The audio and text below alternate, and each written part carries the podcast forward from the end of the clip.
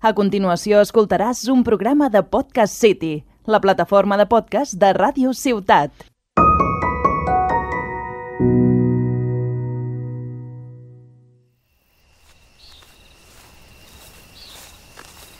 Jo crec que ara sí, Uri. Per fi hem trobat el bosc de Ruth. Vols dir que això és el bosc de Ruth, Jordi? Mm, a mi em sembla més aviat la pageda d'en Jordà. Segur que has mirat bé el mapa. Ah, clar. També t'he de dir que el tauler del joc no és gaire bon mapa. En fi, a veure si trobem algú que ens pugui dir si anem bé. Ah, sí, que a més ja s'està fent fosc i a veure si passarem de la pageda al projecte de la bruja de Blair. Mira, allí hi ha una clariana amb unes casetes. Va, doncs som-hi. Vaja, aquí no hi ha ningú, són només unes ruïnes. Ei, que si això realment és Ruth i estem a unes ruïnes, haurem de fer una mica de mazmorreo, no? Ahà. Aquí una mica d'exploració. Que, que, que, que segur que hi ha algun objecte guapo amagat aquí. Doncs sí, uh, vinga, regirem una mica aquest munt de pedres a veure si trobem alguna cosa. Oh, mira! He trobat un radiocaset a piles. Oh, i amb un caset de Tower of Power dins. Mira quina casualitat. Doncs dóna-li el play i fem la partida des d'aquí. Doncs vinga, un, dos i... We came to play!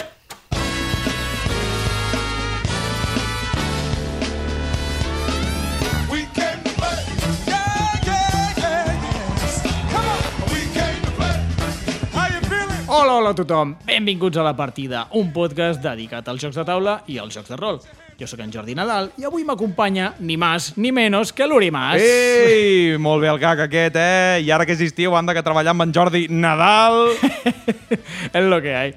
Jo sóc membre del Club Diògenes de Tarragona, una associació dedicada a la cultura lúdica. I jo no, però em tenen quasi adoptat. Sí. Eh? Adopta un Uri.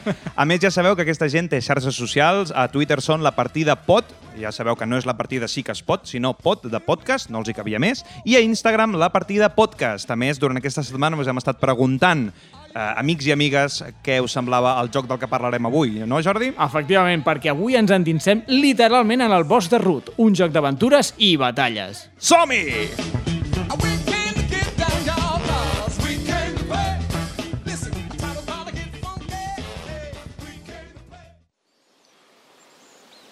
Bé, ja comença a sortir el solet. Ai, quin bon dia que s'està aixecant aquí al bosc de Ruth. És un dia ideal per fer una fitxa tècnica, què et Ui, sembla? Fantàstic, entrenar a, allí a banyar-me en aquell llac que veig allà, en aquell riu que veig allà, o fer una fitxa tècnica, de cabeza, fer les fitxes tècniques. Ho tens clar, molt bé. Claríssim. A veure, el Root. El Root és un joc eh, publicat per Leather Games a Estats Units i aquí a Espanya per Two Tomatoes, de 2 a 4 jugadors, uh -huh. eh, en la seva caixa bàsica. Després ha sortit una expansió que tu pots jugar d'un jugador, és a dir, té modo solitario, fins a 6 jugadors. Perfecte. 60-90 minuts de joc. Molt acotat. Molt Realment, acotat. jo crec que 96, 60 si jugues a dos o a tres, potser. Mhm. I Clar. després d'haver jugat moltes partides. Sí, perquè al principi les primeres partides són aquelles partides de tutoritzar una miqueta Sí. a la gent que no, que no en sap. Perfecte. Què més? I després, edat, 10 o més. Nah, Sí, ho, ho compro, ho compro. Compro, compro. Compro. Sí. Però és curiós, normalment els wargames, com que hi ha tema violència, són 14 o més, però aquí com que no és ben bé implícita, Ja, no, perquè el disseny ajuda molt a generar Sí. aquest, aquest ambient molt diferent d'un wargame. clàssic. exactament. Eh, I finalment, la duresa és de 3,68 sobre 5. És duret. És duret. Home, És pensa duret. que el Blood Bowl, que ja era bastant duret que vam fer fa unes setmanes, perdó, Blood Bowl, Blood Bowl. era de 3 amb poc, 20 i alguna em sembla. Tens bona memòria. Bueno, jo li preguntaré a l'Uri. I, I aquest és de 3,68. Val, sí, sí, sí. sí. L'autor, perdó, l'autor. Important. Desi- Designer. Designer. Col, Col, Cole, vale? Ok? Col. Werle, Werle, Werle. Werle. Ah, Pels ja es podria amics... dir Jervis Johnson, eh? Sí, Cole Werle no, no és univers Marvel, eh? estic una mica decepcionat, Sí, però bé. L'artista Kyle Ferrin. Cal Ferrian, aquest nom ens el guardarem. Sí, està una miqueta més fàcil d'entendre, Kyle Ferrin. Uh, en parlarem també. Doncs, a veure, parlem una mica de, del joc. Al final és, és un wargame. Wargame. Bon terme, eh? Expliqui'm, Jordi, Wargame. Wargame és un joc de guerra. Un joc de guerra, No fàcil. passa d'allà. Un Eurogame llavors és un joc d'Europa. No. Bé, és igual, passem, Wargame. Això ho parlarem un altre dia. D'acord. Wargame és un joc de guerra, llavors hi ha interacció entre els jugadors a tope. Eh, aquest no és precisament de conquista, simplement s'ha d'arribar a 30 punts i cada facció funciona completament diferent de la resta i puntua de manera completament diferent. Llavors, és un wargame asimètric. És un joc que recorda molt a la sèrie Coin de GMT. GMT és una editorial molt mítica de wargames i té aquesta sèrie de Coin, contra insurgència. Llavors, eh, normalment el feien en diferents moments històrics. Hi ha el Falling Sky, que és dels romans i els gals, eh, Fire in the Lake sobre la guerra de Vietnam, i el Cuba Libre, Ah, sobre el cubata. com el, sobre els bars i les Cuba, no, sobre Cuba. Ah. I doncs res, són jocs que s'han de jugar a quatre, sempre utilitzen les mateixes mecàniques, eh, funcionen exactament iguals, però el, el tema i com funcionen les faccions els fan diferents. I recorda molt aquests jocs per una versió, podríem dir, no sé si dir Elite o Light o més curta o El- el bastant root més és accessible. més- és més accessible. Exactament. La duració és molt més acotada. Pensem que un coin potser se te'n va 4 o 5 hores, Molt fàcilment. L'explicació d'un coin és bastant més drama que aquesta. Ara en parlarem també de l'explicació. I, bueno, eh, també els temes. Eh, vulguis o no, a mi m'agrada molt el Falling Sky, els romans i els gals. Em va encantar el joc. Jo hi vaig jugar, em va encantar. Però el root, els neinos aquests són molt monos. Mm. Que gats, que ocells i... És... Clar, però per exemple, a mi em sobta com a persona poc iniciada en jocs de taula, dir, perquè no, encara no sóc membre del Club Diògenes, Encara no. la mascota adoptada del Club Diògenes, però encara no membre. Eh, I, clar, jo, per exemple, per mi Wargame, pues me, me, me, me dius Wargame i jo penso en un joc, joc. de cuyo nombre no me quiero acordar, que comença per R i acaba per ISC, Isc! i a partir d'ara li direm pip. I clar, per exemple, el pip és un joc que, que té un taulell, igual que Sí. el root. En el cas del root és un, és un bosc i en el cas del pip Sí. és un, un... Com que hi ha diverses diferents És el de Tronos, etc és com el món. Sí.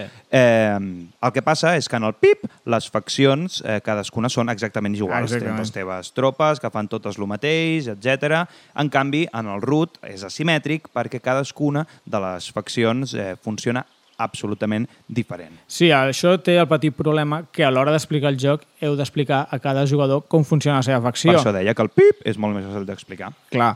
I a més a més, quan sàpiguen com funciona la seva facció, no sabran exactament com funciona la dels altres. La gràcia és jugar moltes, moltes partides d'aquest joc i com més hi jugueu, més el gaudireu. I una cosa bona que ha fet Leather Games o Two Tomatoes és, eh, juntament amb el taulell, donar un taulell específic per cadascuna de les faccions, on t'explica tots els meeples que has de col·locar, on t'explica totes les fitxetes com funcionen, Clar. a sota de cada fitxeta les coses que guanyes, eh, com jugar, alguns consells, una miqueta d'història, tot, tot t'ho explica en l'anvers i el revers de la, de, la, de la fitxa aquesta, del taulell aquest. Realment aquest taulell és molt útil, o sigui, us facilitarà molt la vida i a més també tenim unes cartes resum de les altres faccions. Llavors jo estic portant els ratolins i tindré unes cartetes petites que em diu, doncs mira, jo que sé, el vagabundo funciona així, així, així, els gats funcionen tal, i llavors doncs, eh, és més fàcil. Però bueno, tot i així, el que dèiem, és un joc que potser començ, eh, costa al principi una mica, Has de tutoritzar una mica la sí, partideta. però que el gaudireu moltíssim si invertiu algunes hores. Jo, de fet, hi he jugat amb la meva família. Mare de Déu! Eh? L'any passat vaig portar el Catan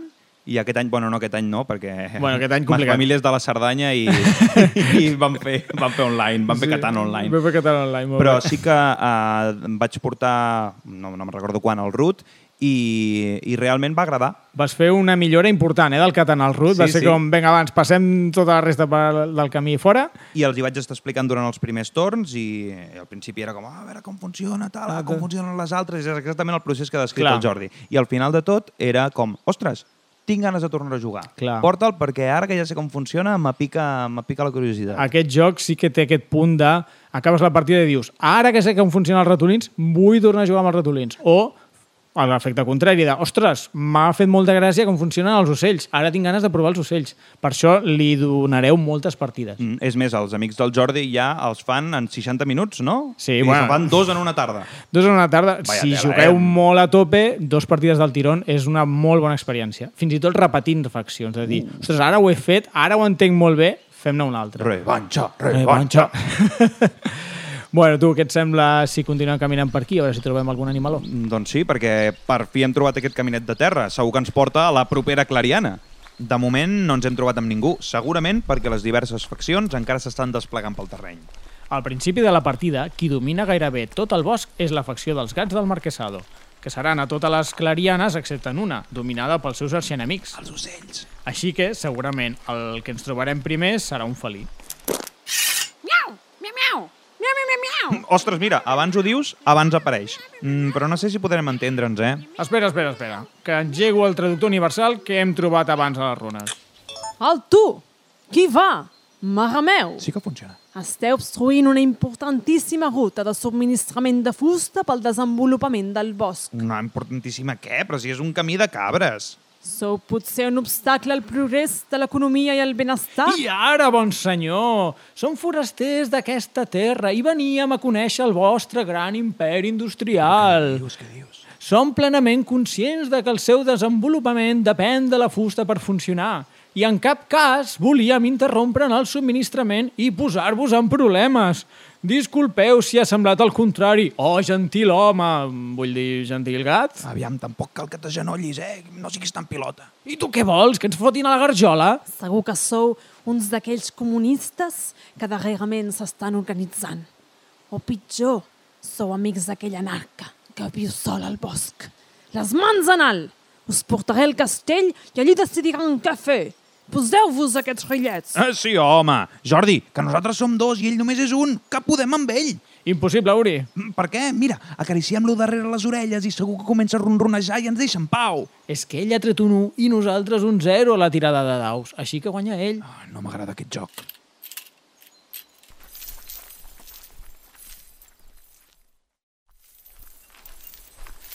Alto! Qui gosa apropar-se al castell?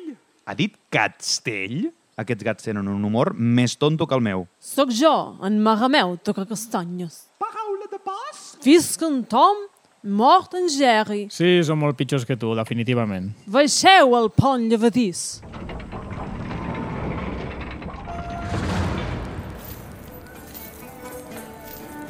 Uau, quin luxe! Mira quins tapissos! Hi ha joglars conills tocant. I unes guineus estan servint lleteta fresca als gats. I a la llar de poc, i si està cuinant un ratolí enorme, mm, això em fa una mica de mal rotllo, eh? Atenció, que venen més ferits! Ai, perdó, perdó, perdó. Ostres, és veritat que el marquesado pot gastar cartes corresponents a les clarianes on batalla per endur-se els seus guerrers ferits a la fortalesa, en lloc de retirar-los del taulell. Bonjour, sóc el jutge d'aquesta fortalesa. Però què dius? Si ets en Marrameu, però t'has posat una perruca blanca i unes ulleres falses. Ahà, m'heu descobert. Això vol dir que coneixeu l'art de l'engany i que sou uns espies. Us condemnem, doncs, a treballs forçats en una serradora dels afores. No m'agrada aquest joc.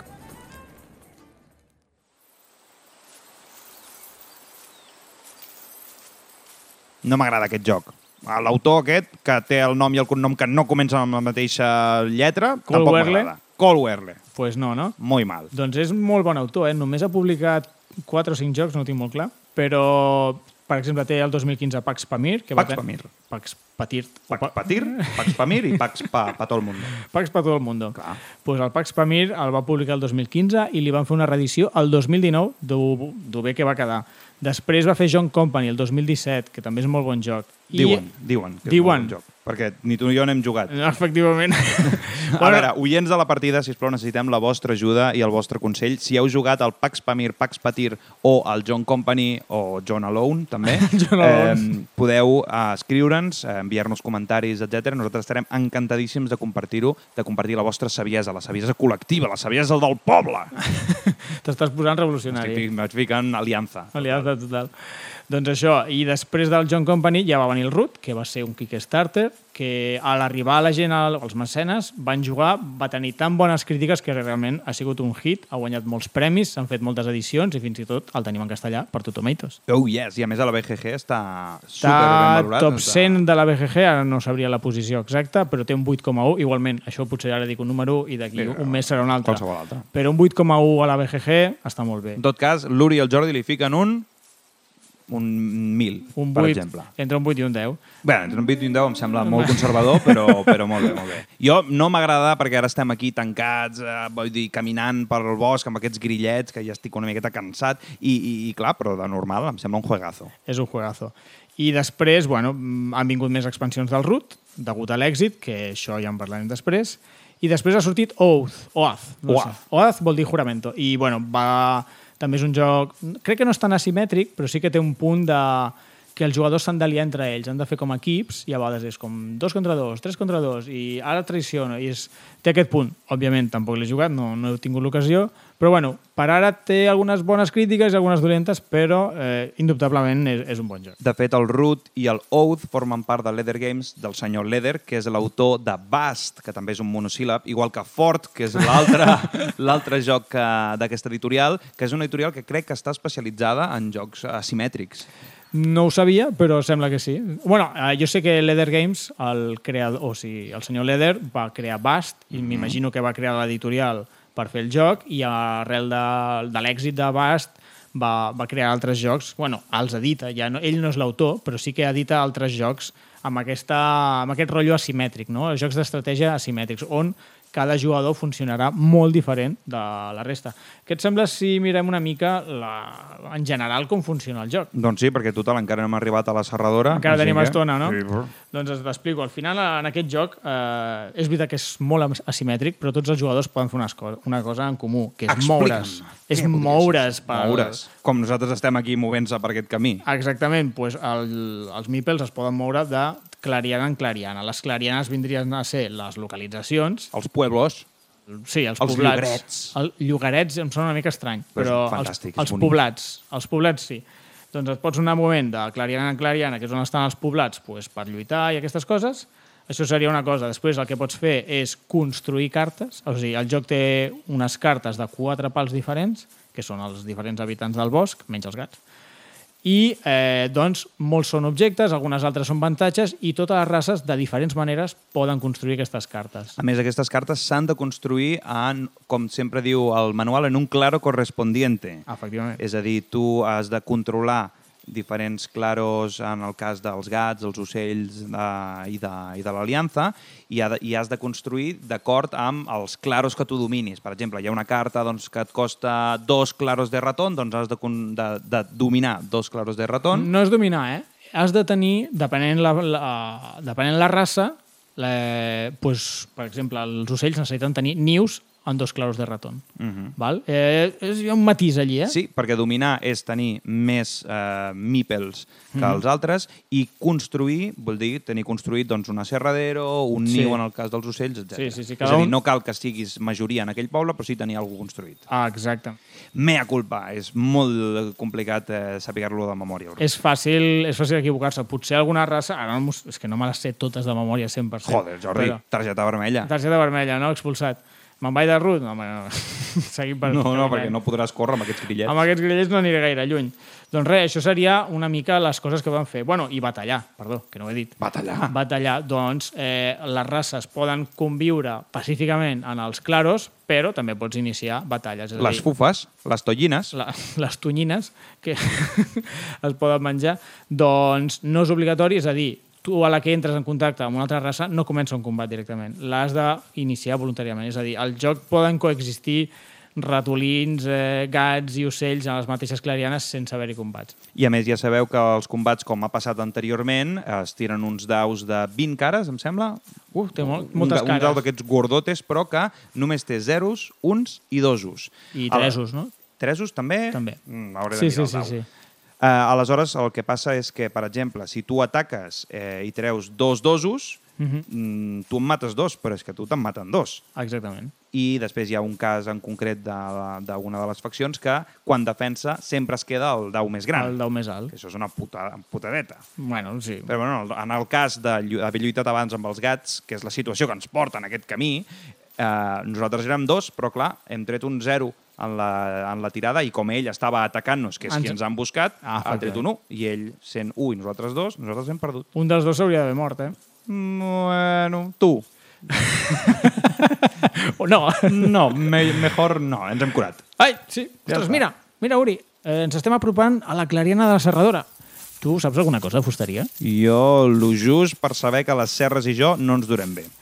Ostres, però un moment, això no sembla una serradora. I què fan tots aquests gats ferits per terra? Mira, segur que també s'han fet mal amb. És que- Oh la la! Què ha passat aquí? On és la serradora? I què hi fa aquest niu gegant al seu lloc? Això només vol dir una cosa. A mi, companys valorosos, aquí encara queda un gat i dos gats d'aquells sense pèl, absolutament disgustings. Aparells! Fugim! Ratigata! Ha dit ratigata? Vaya tela. Però treu-nos els grillets almenys, marrameu torrecastanyes! Serà covard. Eh, Jo diria que s'ha cagat, cagat, eh? Ho pilles? Sí, sí, ja, ja ho he pillat, Uri, gràcies. Vale, vale. Ara és your turn to die. El nido de àguiles mai es retira. Mor potser, però mai dishonor. En guàrdia, gats calbs. Mm, Bueno, vale que claregem, però dir-nos calbs així a la primera de canvi... No, no, no, no, no, no, no, som gats, som humans. Jo sóc en Jordi, ell és l'Uri. Volíem fer un podcast sobre el root in situ, però ens han capturat els gats i volien fer-nos treballar a la seva serreria. Oh, aquests bastards bigotuts. Faran el que sigui per seguir sent els amos del bosc. Aviam un segon que us trec els gorillets. Com us deia, aquests gats burgesos només n'entenen de dominació per la força i d'economia. No tenen cap tipus d'ètica ni de modals. Ai, però és que són tan monos. Nosaltres, a canvi, som fills d'una dinastia mil·lenària i hem sabut conservar la noblesa i els costums intactes. El meu nom és Sir Fristein de Piolis i sóc el gran líder del Nido de Àguiles. És clar, i és que aquesta facció funciona basant-se en el seu decret. És a dir, que només poden fer les accions que diuen que faran, i les han de fer totes, i cada torn més i més. Gran líder, What's the matter, my loyal vizier? és hora de complir amb el decret. El decret! El decret! Segons el decret, El decret! El decret! ara toca aixecar l'enemic. Doncs no queden enemics a la vista. Què us sembla si descansem una mica, fem un te, i ja demà busquem més gats per complir el decret? El decret! El decret! Collons, que passadets. Està insinuant, oh noble líder de conducta fins ara irreprotxable, que no vol complir el decret? El decret! El decret! No és que no vulgui, és que no puc complir el decret. El decret! El decret! Si us plau, que ningú més digui decret. El decret! Decret! Merda, ara ho he dit jo. Doncs, si no pot complir el de... Perdó, de complir l'1, Menys mal, han descobert els pronoms febles. aleshores hem de fer caure aquest líder innoble. Purguem aquesta societat malalta. És el caos. Caos! Caos! Caos! Quasi que m'agradava més el decret. Home, doncs a mi no em semblaria mal sistema pels nostres polítics. Si no compleixen, a cagar la via. Caos, caos, caos. Vinga, marxem, que encara ens tocarà rebre nosaltres, també. I aquesta gent em farà tornar boig tant cridar. Vale, vale, vinga, marxem. Corre, corre, corre, Uri! Caos! Caos! Caos! Caos!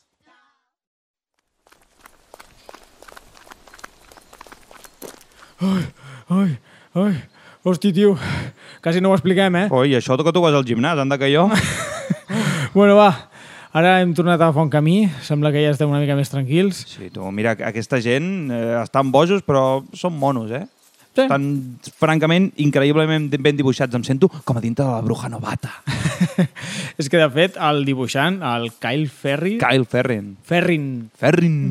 El Kyle Ferrin ha fet molt bona feina en aquesta edició. Molt bona feina. De fet, el Kyle Ferrin és l'il·lustrador oficial de Leather Games. Els quatre jocs de Leather Games, eh, alguns són asimètrics i alguns no, això ho hem dit abans malament, eh, però això sí que ho podem jurar, i per jurar els quatre estan dibuixats per Kyle Ferrin. Sí, i en el cas de Root són especialment bonics. O sigui, el que normalment seria un wargame amb una temàtica històrica i uns dibuixos probablement més aviat realistes, ho ha convertit en un joc de, de fàbula. És de, una faula, sí. de- d'animals tirant a monos, tirant a, a simpàtics, a, de que els veus i, i semblen que podien ser dibuixos animats de la tele pels nens. Correcte, i a més a les quatre, les quatre faccions tenen uns meeples que, que estan super ben trobats, super, super bonics. Mm. Són meeples d'uns colors molt vius. El marquesado és taronja, el, el niu d'àguiles, el nido d'àguiles és blau, eh, els altres són verds, Verd. però un verd molt, molt Sí. cridaner. L'únic que és així, més així, és el, el, el vagabundo, que és gris, Normal. però... Ostres, i a més tenen dibuixats els ulls, no? I la, Sí. la boca, i que estan mig rient. Els gats tenen com els ulls enfadats, els ocells són així més normals, el, els ratolins són com... Bueno, tots són boníssims. Estan com mirant un costat. Sí, El- com així molt despistat. Bonic, sí, molt, sí. molt bonic. L'edició, que això ja és feina de l'editorial, la- l'edició, els meeples, els quadrats, el tauler, sí que ho ha dibuixat tot el Kyle Ferrin, però jo crec que hi ha part de mèrit de l'editorial. bueno, primer per contractar aquest home Mm. i, i després tota l'edició està molt bé. La caixa és la mida justa i necessària. Exactament. Uh, a més, ve amb un inserto i un original que fica el nom de Ruth allà, color negre i tal, i tot et, et cap, pum, pum, Perfecte. pum, fiques el taulell, després es fa una miqueta més petit per ficar els taulells de cada facció, després Sí. hi ha un buit per ficar les cartes, fantàstic. I tot això per un preu molt acceptable, de fet, Uri. Doncs sí, super acceptable. És a dir, el joc costa entre 48 i 58 euros, depèn on el 58 a la web de Two Tomatoes, Sí. 48 doncs als, en, en sus mejores tiendas. En sus mejores tiendas online, sobretot. Doncs això, per 58 euros tirant llarg, eh, aquest joc... És... La caixa et pot semblar petita per 58 euros, que això és a vegades una mica la paranoia de la gent, però l'edició és magnífica, ja ho hem dit. Meravellosa. I val molt la pena. Inenarrable. I a més, les expansions són un pèl caretes. 30, 40, entre 30 i 40 euros, depèn l'expansió, però porten molta riquesa al joc. Sí, a més, a les faccions que surten a les expansions, que n'ha sortit una i mm, en sortiran noves, eh, això ho deixem eh, pel final del programa, Sí. eh, no tenen res a envejar a les faccions de la taula, del taulell principal, diguéssim. Ja. Bé, tant parlar ja fa estona que és de nit aquí al sí, bosc. jo a més tinc una gana. Per sort ens estem apropant a una clariana. Ai, que bé. Aviam qui domina aquesta clariana. Oh, quina sorpresa! Els gats del Marquesado. Hi ha una serradora, un taller, una casa de reclutament... Mira, pack d'explotació complet, tu. tu passa d'ells. Fes com si res i anem cap a aquella taverna d'allà. Aviam si podem fer un beure i dormir-hi.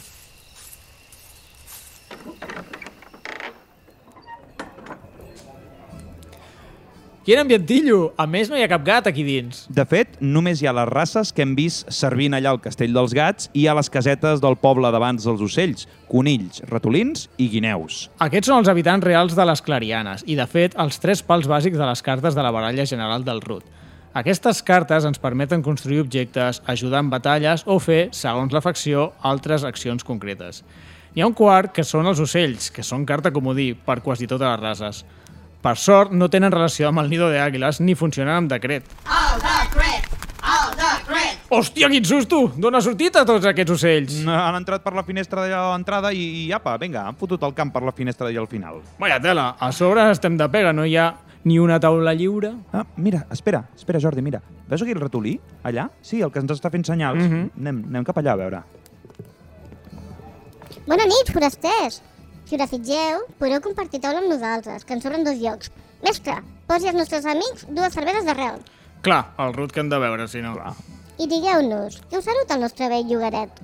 Doncs veureu, nosaltres veníem a fer un podcast del Rut, però està sent tot un drama. Ens han detingut els gats del Marquesado i ens volien obligar a treballar a les seves serradores. Sí, sí, sí. Després els ocells del nido de àguiles ens han volgut ajudar, però de cop s'han tornat bojos amb el de... amb una cosa rara seva i hem fugit i hem acabat aquí. Així que no seran els gats. No, no, els gats són molt monos però no ens agraden. I tampoc els ocells. Tampoc, estan com un llum d'oli. Així que teniu simpatia Què? Eh, simpatia? Simpatia per què? per l'aliança. L'aliança? Què és això? Baixeu la veu, radiantra, que ens descobriran. Em dic Pancho Ratilla i formo part de l'Aliança dels Pobles del Bosc. Una guerrilla formada per ratolins, conills i guineus, que lluita per alliberar la nostra gent de l'opressor, ja siguin gats o ocells. És que més val morir en peus que viure agenollat, perquè l'única lluita que es perd és la que s'abandona. El poble, unit, mai serà vencit. Vencit? Home, més simpàtics que els altres sí que sembleu, eh? Però aviam, Panxo Ratilla, com penseu fer front a la potència guerrera de gats i ocells? Perquè a mi no em sembleu una gran amenaça. No. Això és el que pot semblar en un principi, però portem un temps extenent el nostre missatge i guanyant simpatia arreu. I és que un fantasma recorre el bosc. I avui és el gran dia. A l'alba ho tindrem tot llest per la revolta. Els camins seran sempre nostres! Ja veig que no dormirem gaire aquí, Jordi. I ens vindrà bé sumar una altra raça a l'aliança, i a més una de tan extremadament sàdica i sanguinària com els humans. Ep, no ens passem, que nosaltres som gent de pau. Oh, pel que sé ja heu fet dues guerres mundials i aneu pel camí de la tercera. Vale, vale, ja ho hem pillat, ja. Aquí teniu una espasa i una ballesta que hem construït durant els darrers dies. I just a temps. L'alba ja està despuntant. Sortim fora. A punt les armes, camarades, que l'aliança avui es revela. Visca la revolució!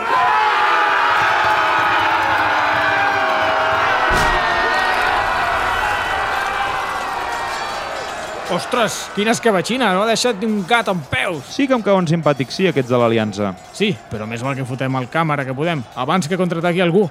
Que l'Aliança quan defensa sempre es queda amb el resultat més alt als daus, però tu jo no. Mm, vale, bon punt. Però què tal si ens quedem l'espasa i la ballesta, eh? Bé. Per si de cas. Corre, corre.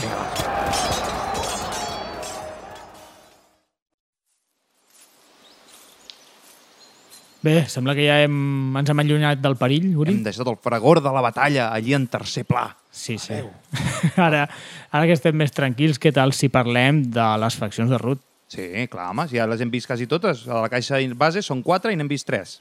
Doncs sí, què et sembla si comencem pels gats? A mi els gats, Els gatarronets. gatarronets, són molt monos. Els marramiaus. Marrameus són, són boníssims. És el marquesado, que ja n'hem parlat abans. De fet, en la versió anglesa, això és una, és una cosa que no s'ha traduït al castellà d'aquesta manera, sinó en la versió anglesa era, eh, com el Marquis du Chat? Marquès du Cat. Bueno, no tinc ni idea de francès, però com la marquesa del gato o alguna així. Sí. Marquès du Cat. Aleshores es representava que eren més afrancesats, no? I el Nido de Àguiles eren més anglesos, no? Bueno, no ho diu enlloc, No ho però sí, eh, sembla com una noblesa que vol restaurar un antic modus de vida on hi havia, doncs, ells eren els nobles i dominaven tot el bosc, molt cavalleresc, Mhm. molt de tradicions, eh, molt de doncs, que no els ofenguis i coses així. Bueno, sí, que recorda les novel·les, novel·les de cavalleria. De fet, això té a veure també amb, amb una certa noció històrica no, dels francesos que sempre han estat enemistats amb els anglesos Sí. i, i a part eh, tenen dues dinàmiques i dues formes de fer que també ten, els hi dona un cert background molt diferent, Mhm. com que és que el marquesado, com heu sentit, quasi ens fan anar a treballar a les seves serradores, però a part de serradores, com també heu sentit quan hem anat a visitar el poble de l'Aliança, a part de serradores tenen reclutadors, tenen... Els tallers. els, els tallers, aleshores el, és una potència industrial, per sí, entendre'ns. i, o sigui, són com el, els nous amos del bosc. Han conquerit tot el bosc, comencen el bosc tot ple de gats, tenen alguns edificis i el que volen és construir molts edificis, fer una superpotència i aquest és el seu rotllo. I la base de la seva forma de treballar és la fusta, que són les matèries primes. Si tu Sí. els talles un camí, no poden passar fusta per allà. Exactament, ells necessiten una línia de subministrament per anar fent edificis als diferents, eh, als diferents clarianes del bosc. Jo sempre ho, ho relaciono molt com amb la burgesia, no? Després de la Revolució Sí. Francesa, doncs van, la burgesia va guanyar la noblesa, entre cometes, a nivell, a nivell moral i ètic, no? I va començar a instaurar-se el, el capitalisme, no? En una Bueno. forma més primerenca. Sí. Però, però això, no? Vull dir, les fàbriques, que, que eren el que primava. I, en canvi, el, el nido de Àguiles eh, són l'antiga noblesa, que sempre Sí. eren els valors, i jo defenso el poble, i, i clar, el poble m'apaga a mi, i, i jo sóc el seu defensor, però clar, si no els defenc bé, Ja. igual vindrà un altre i tal, o igual el propi poble també... Se, se t'emprenya, no? Sí, passa una cosa que comença per D i acaba per... per D i per acret, no sigui cosa que tornin els ocells no, una altra vegada. No us diguis molt fort. No. Doncs a nivell mecànic, eh, el marquesado és un, una bona raça, una bona facció per començar, perquè té una sèrie d'accions, que són 5, i a cada torn has de fer 3, i és bastant senzillet, és bastant straightforward, que diuen en anglès, no? Sí, és, és la facció com més clàssica, Sí. si has jugat a altres jocs, com per exemple el Pip, doncs és la més Sí. normaleta. Bueno, la més típica. Llavors, les accions són com les que poden fer tothom, que és batallar, marxar, que és moure's i reclutar, construir i fer més fusta. Aquestes serien les accions que poden fer el marquesat. Després, si anem als ocells, ja és una funciona d'una manera bastant diferent, però és molt graciós i que té molt a veure amb el seu tema. És a dir, ells tenen eh, bueno, els servidors i que fan unes accions diferents. Llavors, cada ronda has d'afegir més cartes a les, al, pues, al decret d'accions. All the grit. Eh, han tornat a marxar. Joder. Menys mal. Eh, què, què dic, si no? El D, tenen el seu D que l'han d'anar complint. I llavors cada, cada ronda faran més accions que l'anterior, que això al final és molt bo, perquè al final pots fer moltes accions, però si no pots complir el D, eh, entraràs en caos, hi haurà una humiliació en forma de punts negatius, Et deposaran la persona del teu, el teu líder, de diguéssim. posar, entre cometes. De posar, que vol dir tallar-li el cap. Sí. I és, és que és molt temàtic, entra molt dins del que pensaries d'aquest rotllo més, més, bueno, sí, més cavalleresc. Després tenim, eh, per entendre, los Robin Hoods o los comunistes, no? Sí. que serien la- l'aliança dels pobles lliures, que són, eh, les, la, com heu vist abans, vull dir, una penya que al principi no està en lloc, són eh, simples paisanos que te saluden cuando pasas con tu caballo, i, però després se revuelten en armes i de cop eh, fan una escabatxina en un poblat que te quedes, eh, te quedes ciego. I a nivell de mecàniques està molt ben implementat, perquè comences la partida que no tens ni una tropa sobre el tauler, perquè al final el que tens és simpatia. Això s'en- en- s'entén que eh, estàs mm, transmetent la paraula de que, bueno, que la gent es vol revoltar, que hi ha una aliança, tot i que no, no tingui un exèrcit eh, format. I llavors, a poc a poc, vas extenent la simpatia i quan en tens suficient, fas una revolta, apareixen els teus primers soldats i les teves primeres bases. I llavors comença la partida de veritat, Mm. així més, eh, més intensa de l'aliança. A part, una cosa de, divertida de l'aliança és que, clar, si t'atreuen simpatia, és a dir, si agafen el tio, el ratolí que està parlant de l'aliança, el agafen i el pengen, no? Eh, et roben cartes com a jugador. O sigui, si tu ets un gat i vas allà i dius s'ha acabat aquí, pum, este, que le corten la cabeza. Després tu li has de donar una carta Clar. a l'aliança que després es convertirà en un rebel. Aleshores és com molt guai aquesta idea de que al final els has de deixar fer, mm, però tampoc tant calcular Ja. què és el que fas. No pots tallar-ho d'arrel perquè sempre sortiran uns altres, no? Clar, la- i és molt temàtic això, no? O sigui, si eh, intentes extirpar un cap de l'aliança n'apareixen dos, un rotllo hidra, no? Que, que al final... I és, és molt temàtic, no? Com si ho intentes sufocar, al final n'en crees més. Quan fas una força molt intensa, també una en direcció contrària. I finalment tenim el Vagabundo, que encara no ens hem trobat, però vaja, suposo que estarà al caure, perquè suposo que el guió del joc, el guió d'aquest podcast acabarà així. Efectivament. Doncs el Vagabundo funciona completament diferent a aquestes tres i, ja, i entre elles funciona molt diferent, però el Vagabundo és un home, va al seu rotllo, És l'anarquista. és anarquista total, ell el que vol és, és, és fama, va fent missions per guanyar-se fama i això li dona punts. També una altra manera que té de guanyar punts és ajudar o atacar a diferents races.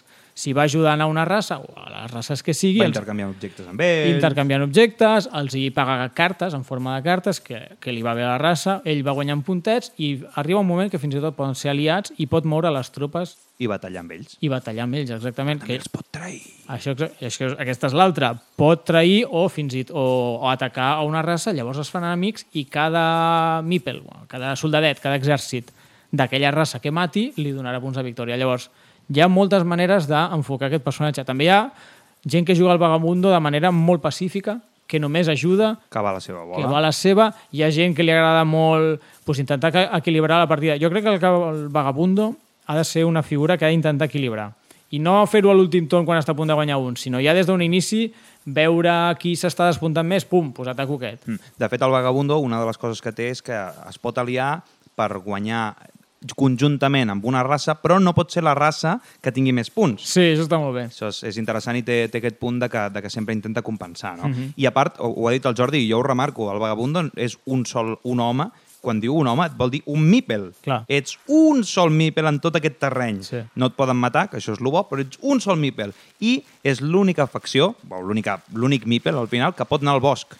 Sí, pots anar al bosc i són entorns que et vols recuperar. Quan vols reconstruir les teva, els teus objectes, te'ls poden danyar quan els altres jugadors t'ataquen, doncs vas al bosc i representa que estàs allí a salvo, allí ningú s'atreveix a entrar i tu tranquil·lament t'ho repares tot. Clar, i, i finalment una altra cosa que, que no hem comentat abans en les dinàmiques generals és que normalment per guanyar pots aconseguir 30 punts o jugar una carta de dominància, que això també recorda el pip, Sí, és igual que el pip, aquell joc. Té un punt. Sí, això ho fan per sempre, ni que siguis l'últim jugador, tenir maneres de guanyar la partida al final. És a dir, imagina't que un té 27 punts, un altre en té 28 i tu estàs a 15, pel que sigui. És estrany, eh? però pot passar.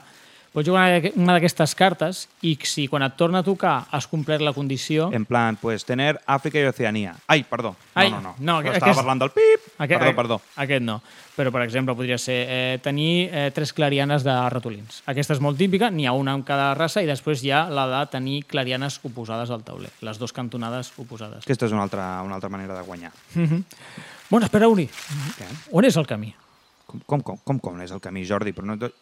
Jo t'estava seguint a tu. Tu, jo t'estava seguint a tu. Pues malament anem, Em diguis perquè... que ens hem perdut. Crec que sí. És... Ens hem perdut. Un moment, que miro el mapa. Que no és un mapa, coi, Jordi, que és un punyetero taulell.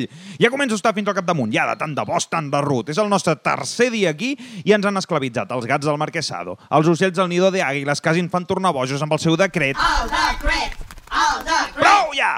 I a sobre hem estat a primera línia de l'aixecament armat de l'aliança dels ratolins, els conills, les guineus, els pobres lliures i no sé què més, i els camins que seran sempre seus.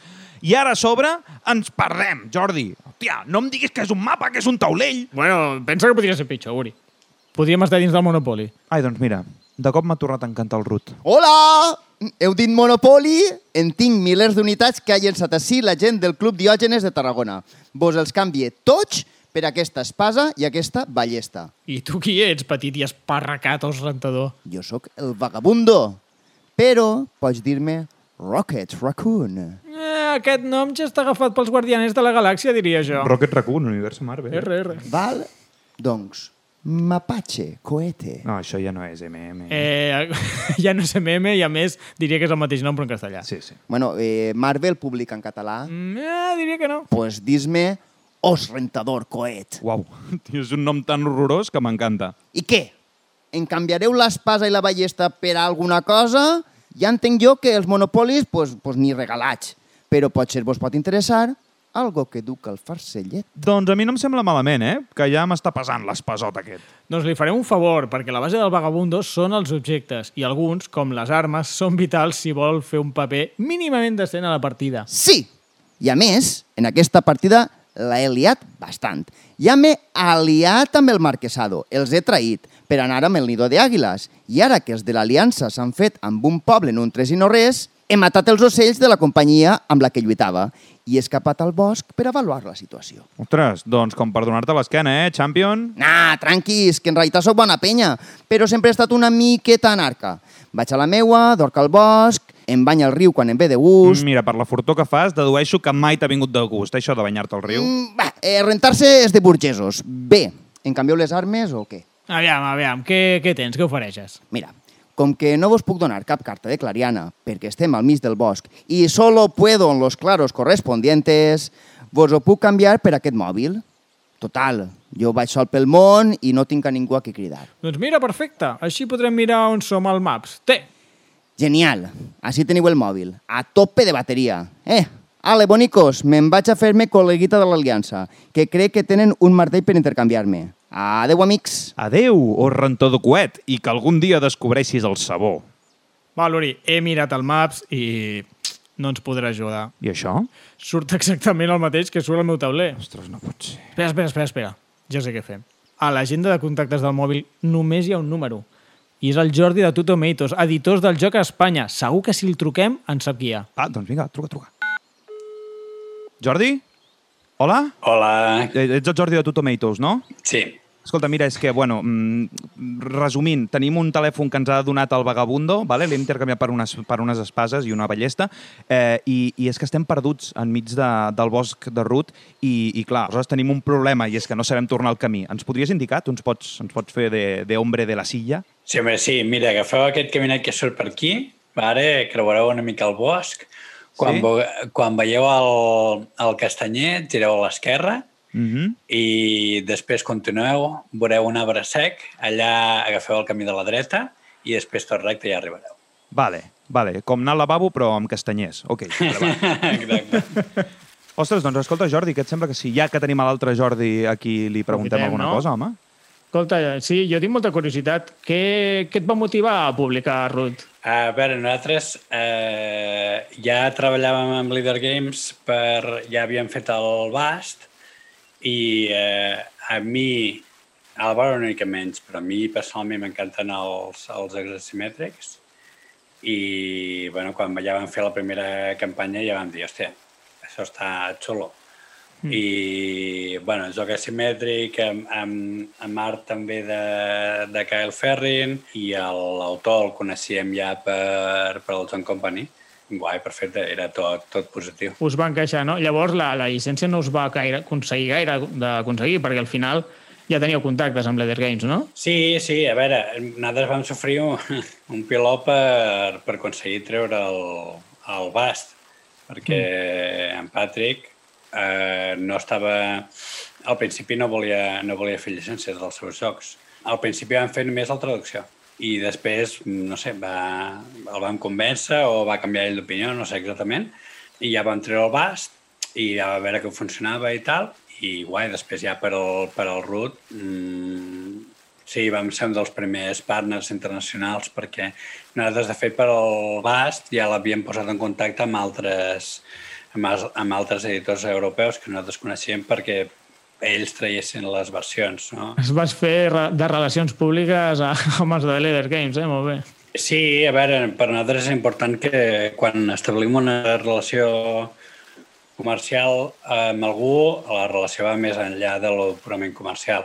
I tot el que podem fer per ajudar, pues, genial, no? Bueno, al final, si a ell els hi va bé, a vosaltres us va bé.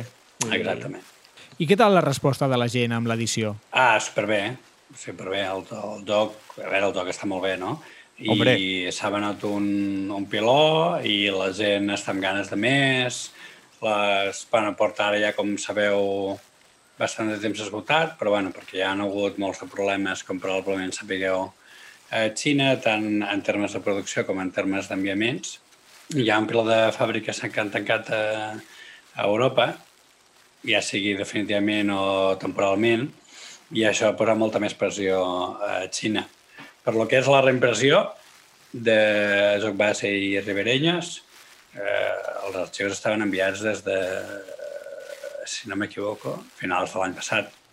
I, I ho rebrem ho rebrem demà. Ostres, doncs que bé que la gent ja pugui tornar a gaudir del root i la seva expansió. Espera, espera, espera, perquè tenim un altre motiu de, de, de regocijo, que és que hem trobat el camí, Jordi, mira! Per fi! Hòstia, que bé! Moltes gràcies, Jordi, per l'ajuda. Si no, no sé què haguéssim fet. No, perquè amb aquest taulell, no sé jo. I bé, de moment només ens hem trobat les faccions del joc bàsic, però cap de les dues de l'expansió Los Ribereños. No. Ens pots fer 5 cèntims de cada una?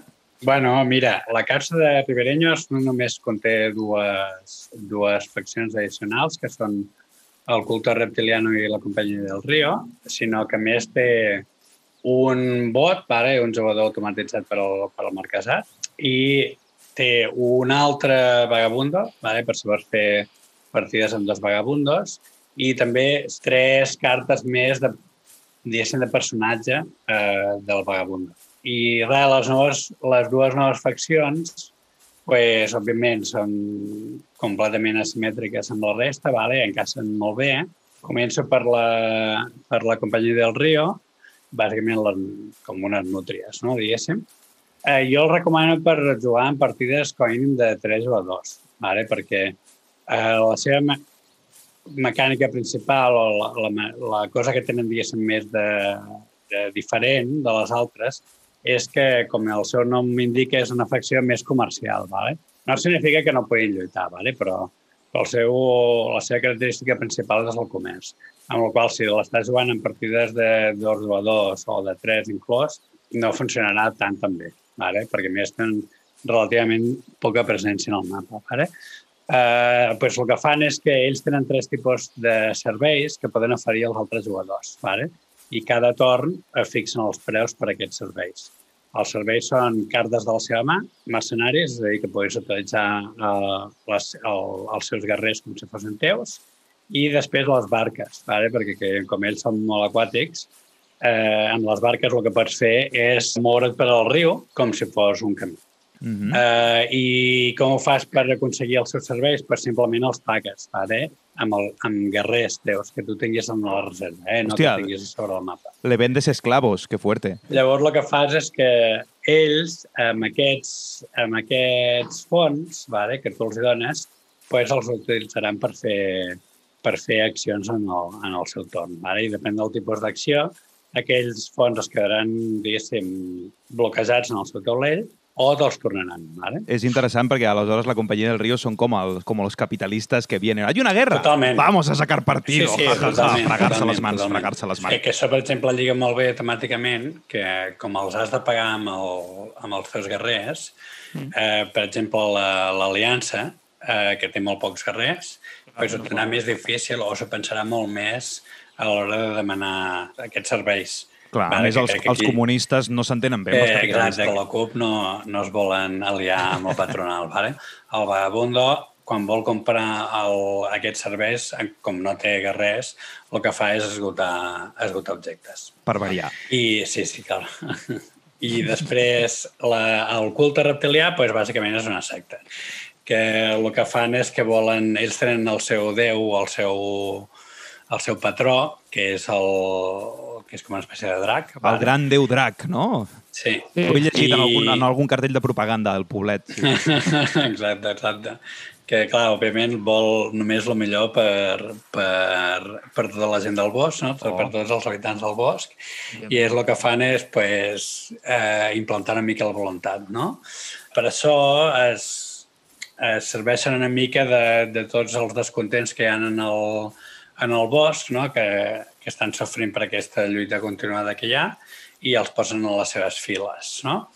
I llavors, en termes de... Això seria, diguéssim, una mica l'explicació temàtica i el, en termes de joc, ells juguen amb dos elements principal- principalment, que és amb la seva mà, per fer, diria que són els rituals, han d'ensenyar cartes, i bueno, per alguns determinats rituals eh, sí que sí que l'han de gastar la carta, vale? per als més potents, els que, els que són de puntuar, bàsicament. Vale? Eh, llavors el que fan és que van, eh, van extenir la seva influència amb, amb els seus edificis, que són els jardins, i ells sempre governen els clars on hi hagi almenys un, un jardí. Són bastant passius, vale? i també els interessa que, que les altres faccions es carreguen els seus, els seus guerrers perquè després aquests, eh, aquests guerrers els posaran en una capsa espacial que els hi permeten fer, eh, fer accions addicionals. Ah, o I- sigui que es converteixen com en, com en megalocos. Són no? màrtirs. Sí, bàsicament són màrtirs. Sí, màrtirs per la causa, no? Eh, I llavors, l'altra cosa que tenen important és que totes les cartes que haurien d'anar al descart van a una pila especial, que és el descart en realitat, però que està a dintre del taulell del culto, i és el, el piló de, de les ànimes perdudes. Vale? I al principi del torn del, del culto, el que fa, el jugador el que fa és mirar quin és el pal que està més representat, vale? excloent les, les cartes d'Ao, òbviament. I després mm, aquest pal es converteix en el pal del pària, vale? perquè és com el, el pal que ha estat més explotat no? durant, la, durant la ronda anterior. No? I el culte ho té més fàcil per fer les accions que siguin relatives o corresponents a, a aquest pal, no? perquè diguéssim s'aprofita de, de la desesperació, diguéssim, de- d'aquell tipus d'animals del bosc pues, per, per avançar la seva pròpia agenda. No? Un moment, eh? Perdona, que se'ns ha apropat un corrent. Un caimà amb una espècie de túnica cerimonial. Deu ser del culto reptiliano del que ens has parlat. Que pesat! Teori, aguanta'm el mòbil. Què passa? Què vol? Oh, no, senyor. La pregunta no és què vull jo, sinó què vol vostè. Jo vull que em deixi de parlar. Oh, no, senyor. Vostè que vol és la salvació eterna. Ah, sí? I això com ho sap vostè? Oh, perquè vostè fa cara de pària, senyor. Que, però què m'acabes de dir? Pària? Sí, sí, sí, sí. Diria més, fa pinta de pària odiado. Bueno, ja n'hi ha prou, no? Com et passes? Bueno, si vostè vol deixar de ser un pària odiado, no, senyor? Jo vull que m'ho deixis de dir, sí. Doncs només has de jurar servitud eterna al gran déu drac.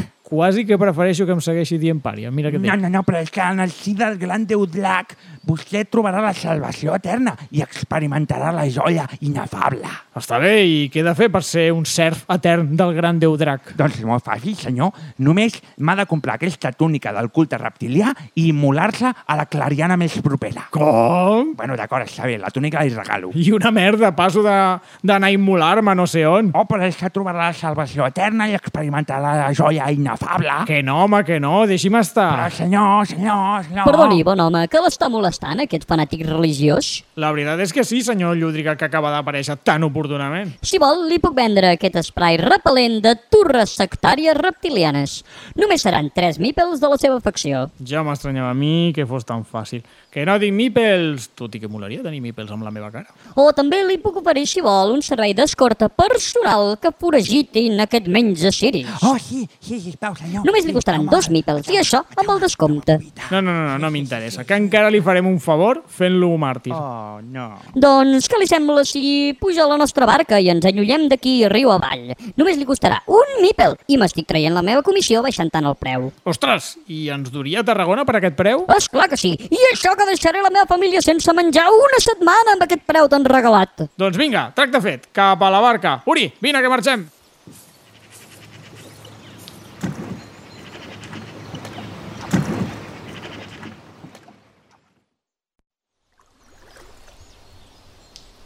Segueix en Jordi el telèfon? Sí, sí, sí, sí. De fet, ens hem estat rient molt a costa de tu, pari odiado. I ara, ara començàvem a parlar, de fet, de les noves expansions i les coses extres que sortiran pel joc, que, que surten Sí. en, en breu, en un mes, pot ser, Jordi? Sí, arri- eh, sortiran a final de, de juliol. Explica'ns una miqueta de, de què van aquestes expansions. Primer comencem, si vols, per la primera, que és l'Underground. Sí. Nosaltres l'hem traduït com els subterrànios, vale? perquè eh, les dues faccions es poden eh, lligar, diguéssim, al concepte de subterrani, un, una de les faccions d'una manera més literal i de l'altra en un sentit més figurat. Vale? Eh, la que es lliga en un sentit més, més literal és el, el ducado dels topos, vale? eh, són talps vale? que viuen sota terra i, i han sentit que, que, hi ha aquesta, que, que hi ha aquesta guerra i ells, com es creuen millors que, que la resta, pues, veuen que és una bona oportunitat per a ells sortir a la superfície i posar ordre segons els seus propis designis. No? Aquesta facció que té de- que té pues, com ells venen de sota terra, hi ha un petit, petit afegit al, al taulell, que és una, que és una lloseta, que és la madriguera, vale? que diríem, diguéssim que seria la seva base. Vale? En aquesta madriguera només poden entrar ells. I ells, des d'aquesta madriguera, utilitzant túnels, poden aparèixer en qualsevol clar del mapa. I és una facció que necessita anar fent de desenvolupament per cada cop poder ser cada cop més gran, més gran, no? Perquè, com us deia, bueno, en el Ducat hi ha bastantes personalitats, que n'hi ha de tres tipus. Hi ha, hi ha els escuders, eh, els cavallers i els nobles, ho t'ho dic ara sense mica de memòria, vale? I, i el jugador que controli els talps el que vol fer és anar convencent aquestes personalitats del, del comtat, eh, del ducat, perdó, perquè l'ajudin. Vale? I cada una d'aquestes eh, personalitats tu necessitaràs demostrar-li que ho estàs fent bé, vale? amb la qual necessitaràs tenir una sèrie d'edificis a dintre del, a dintre del mapa. Vale? I una vegada els convences, el que fan és que bàsicament et donen accions addicionals i noves maneres de puntuar. Aleshores seria com una barreja de, del marquesado en el sentit de construir coses i l'aliança en el sentit de complir unes, unes expectatives, no? Eh, sí, del, del Ai, niu. l'aliança, sí, he dit, he dit el, el nido de àguiles, Sí, perdó.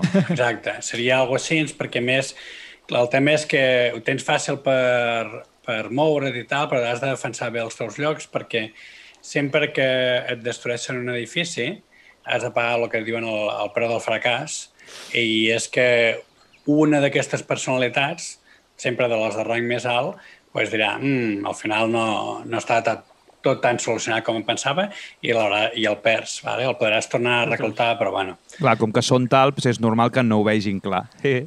exacte, exacte, molt bona. I... Abans dèiem que el Marquesado tenia un humor molt tonto, però jo també, eh? Sí, sí, ja. I després l'altra facció, que és la que, diguéssim, el títol de Soterrànies eh, es lliga d'una manera més figurada, és la conspiració dels Corbets, vale? que aquests són bàsicament... Potser la paraula terrorista és una mica forta, vale? però són una mica els més anàrquics vale? del, del bosc, i el que fan és que ells eh, es poden moure molt bé vale? entre els diferents clars perquè tenen exactament la mateixa regla que el vagabundo, tot i que tenen guerrers, etc. Vale? I el que fan és que posen conspiracions en els diferents clars. Vale? Les conspiracions estan representades per una, per una fitxa i tu la poses boca baix, vale? els jugadors no saben quin tipus de fitxa és. Vale? I després, en el teu torn, si en els clars on ja tinguis conspiració i tinguis també un agent, vale? un, un, un guerrer, pues podràs revelar la conspiració. Vale? N'hi ha de diferents tipus, que van des de destruir, vamos, com si fes una revolta amb l'aliança, però en aquest cas és una bomba, vale? o sigui, fas Wow. allà un atac, eh, entre cometes, moltes cometes, terrorista, vale? i ho destrosses tot.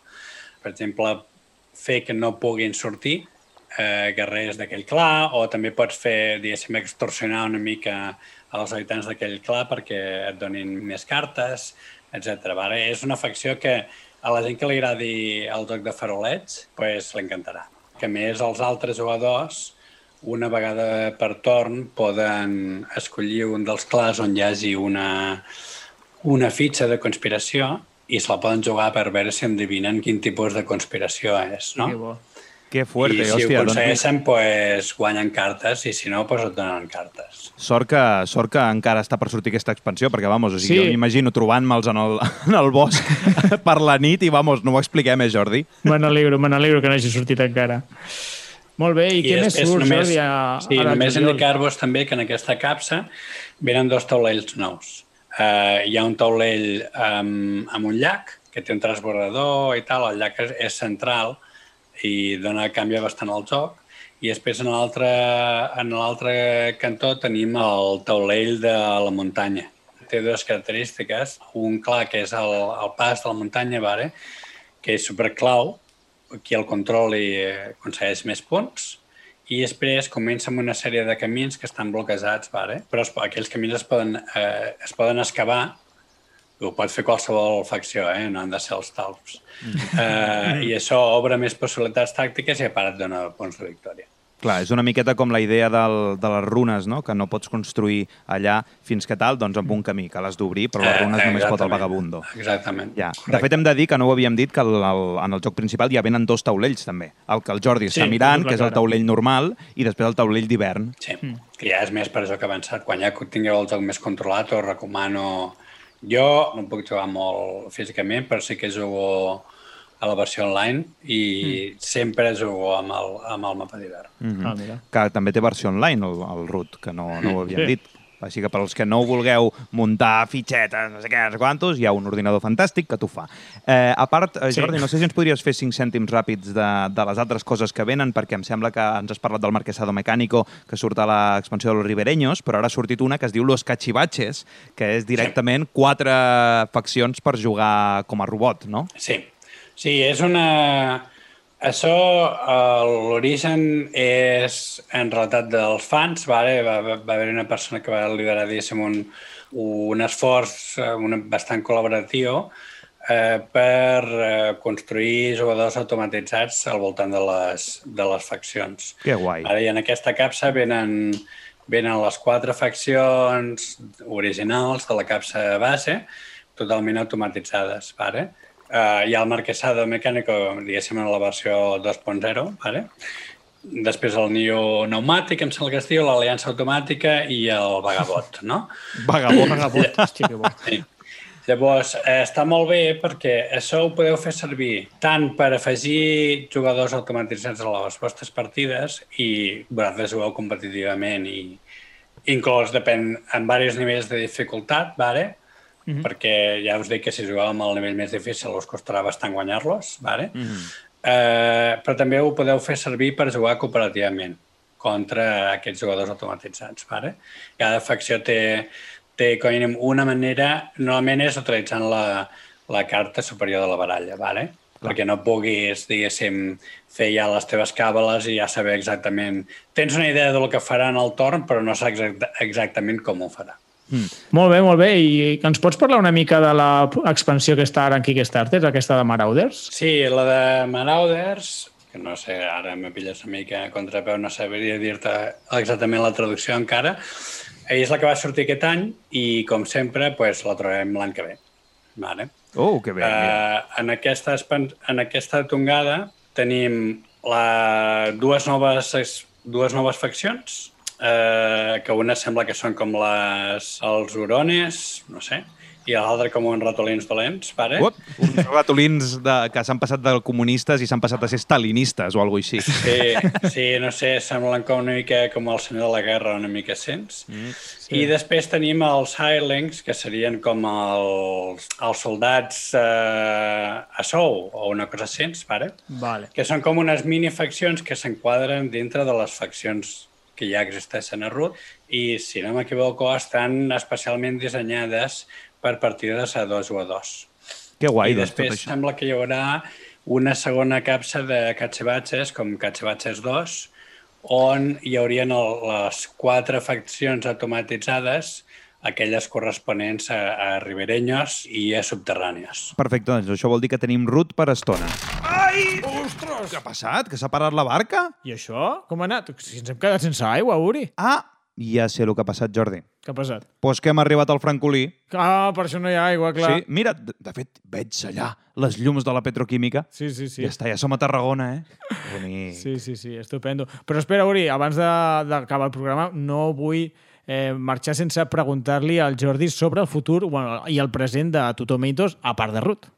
pues mira, ara mateix eh, tenim un parell de, de projectes en curs. Mira, ara que parlàvem de Kickstarter, pues tenim un Kickstarter propi, eh, que és Picoil Profiteer, és un nou volum en la sèrie de, de Picoil. Aquest és, no és una expansió vale, de Picoil, sinó que és totalment autojugable.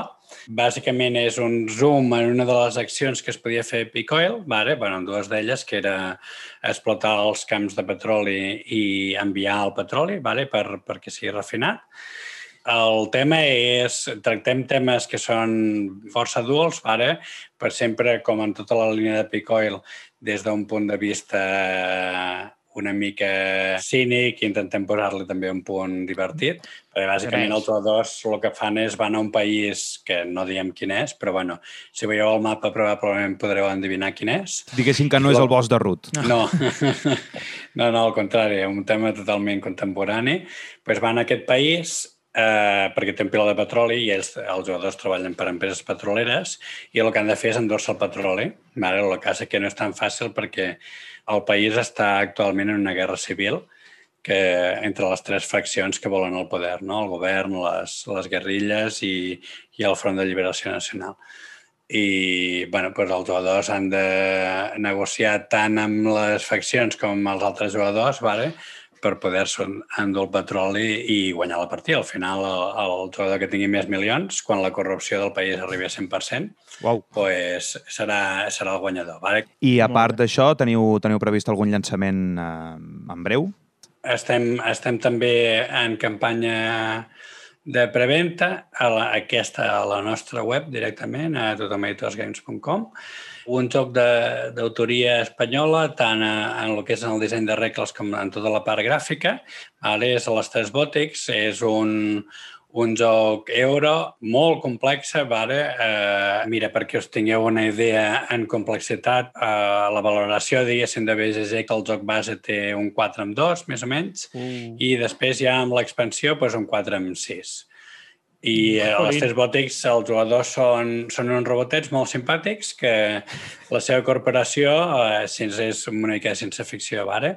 els ha enviat a un, a un planetoide, vale? un asteroide, que està ple de recursos recents exòtics i ells el que han de fer és recollir eh, aquests, aquests recursos perquè hi ha tres naus que durant un moment molt breu orbitaran aquest, aquest planetoide i hi ha un sistema pues, per poder-les enviar la càrrega a aquestes naus. Seria així. O sigui que ja sabeu, si us agraden les coses originals, això sí, ja amb, un, amb una duresa més important, doneu-lo un cop d'ull perquè, vamos, Espanya no s'ha fet mai Aleshores, duresa. nosaltres haurem d'acabar anant a l'espai a visitar les Sí. sí. nauetes de, d'Estrès Bòtics, no? no? Jo em sembla que passo, total. després de l'experiència en un bosc, ja irme a l'espacio... Sí, sí. Però sí, No, sí, ho haurem d'anar farem. I a més, si és un, si és un, si és un joc patri, patri... Sí, bueno, Encara crec que és molt important eh, també donar suport o com a mínim informar-se sobre les coses que s'estan fent aquí, no? perquè crec que es fan coses molt originals i de molta qualitat i Mm. que val la pena com a mínim donar un cop d'ull. Doncs res, Jordi, moltíssimes gràcies per atendre la nostra trucada. A vosaltres per tenir-me i quan vulgueu encantat de repetir. Doncs mira, ens ho apuntem. I escolta, Jordi, ja estem a Tarragona, ja està, ja està tot el pescado vendido, Anem, aquí. tan anem tancant el programa. Anem tancant el programa. Dóna-hi el play. Som-hi.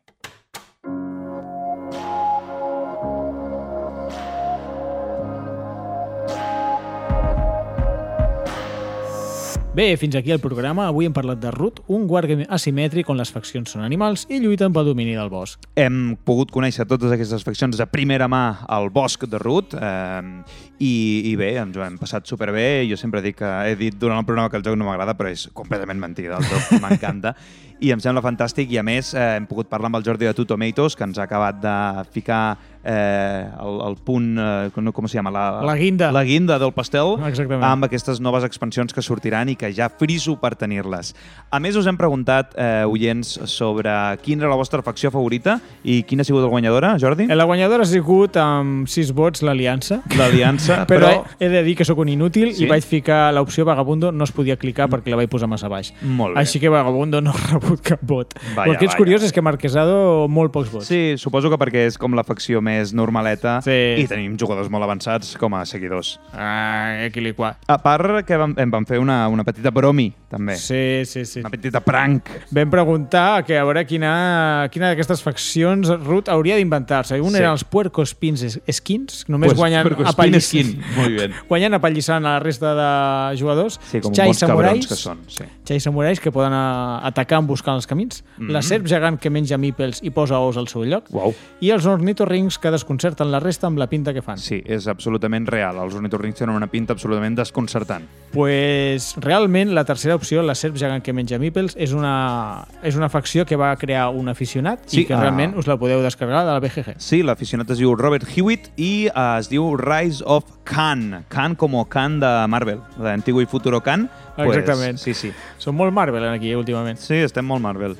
Doncs res, senyors, eh, si voleu contactar amb nosaltres, tant per fer-nos comentaris i idees sobre el podcast, escriviu-nos i seguiu-nos a la partida pod a Twitter o la partida podcast a Instagram. I si esteu interessats en unir-vos al Club Diògenes, ja sabeu, el club del que jo sóc la mascota, eh, però no formo part, podeu escriure també a Facebook, Twitter i Instagram amb el nom Club Diògenes Tarragona. 100% club, 0% símptoma. Exactament. Bueno, Uri, moltíssimes gràcies per haver vingut i per crear aquesta obra d'art que ha sigut aquest programa. Està lleig que ho digui jo, però ha sigut un munt d'hores i a l'Uri li ha dedicat en cor i ànima a editar i tots els sons. La veritat és que és una currada, així que moltíssimes gràcies, Uri. Quan les coses es fan amb, amb el cor com, com les feu sempre amb la partida, jo m'animo, vamos, així, rapidíssimament. Estupendo. I res, oients, moltíssimes gràcies per haver-nos escoltat. Espero que ens veiem aviat. Bona nit i tapeu-vos. Shortcut